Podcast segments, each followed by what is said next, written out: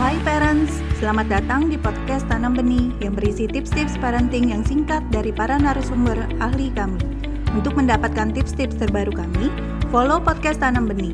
Yuk kita dengarkan bersama. Jika perkembangan kedekatan emosional antara anak dengan orang tua tidak berkembang secara optimal, maka ada hal-hal yang mungkin terjadi. Yang pertama, tentunya berhubungan dengan kepercayaan diri anak karena anak merasa kurang disayang atau kurang diperhatikan atau kurang dihargai sehingga anak menjadi tidak percaya diri. Dan jika anak tidak percaya diri, ini akan mempengaruhi perkembangan kemampuan-kemampuan anak yang lainnya.